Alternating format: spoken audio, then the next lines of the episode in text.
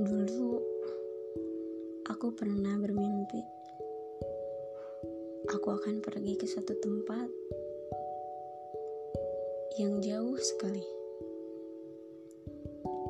Itu dulu sebelum semuanya berubah. Dulu aku orang yang optimis.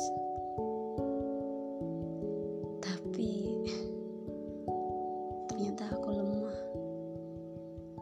Setelah beberapa kali ujian menerpaku,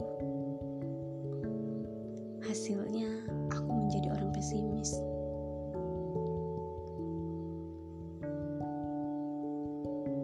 Aku sering membenci diriku sendiri, melihat cermin, menyesali apa yang sudah aku lakukan. Rasanya masa lalu lebih baik untukku. Tapi ya inilah hidupku.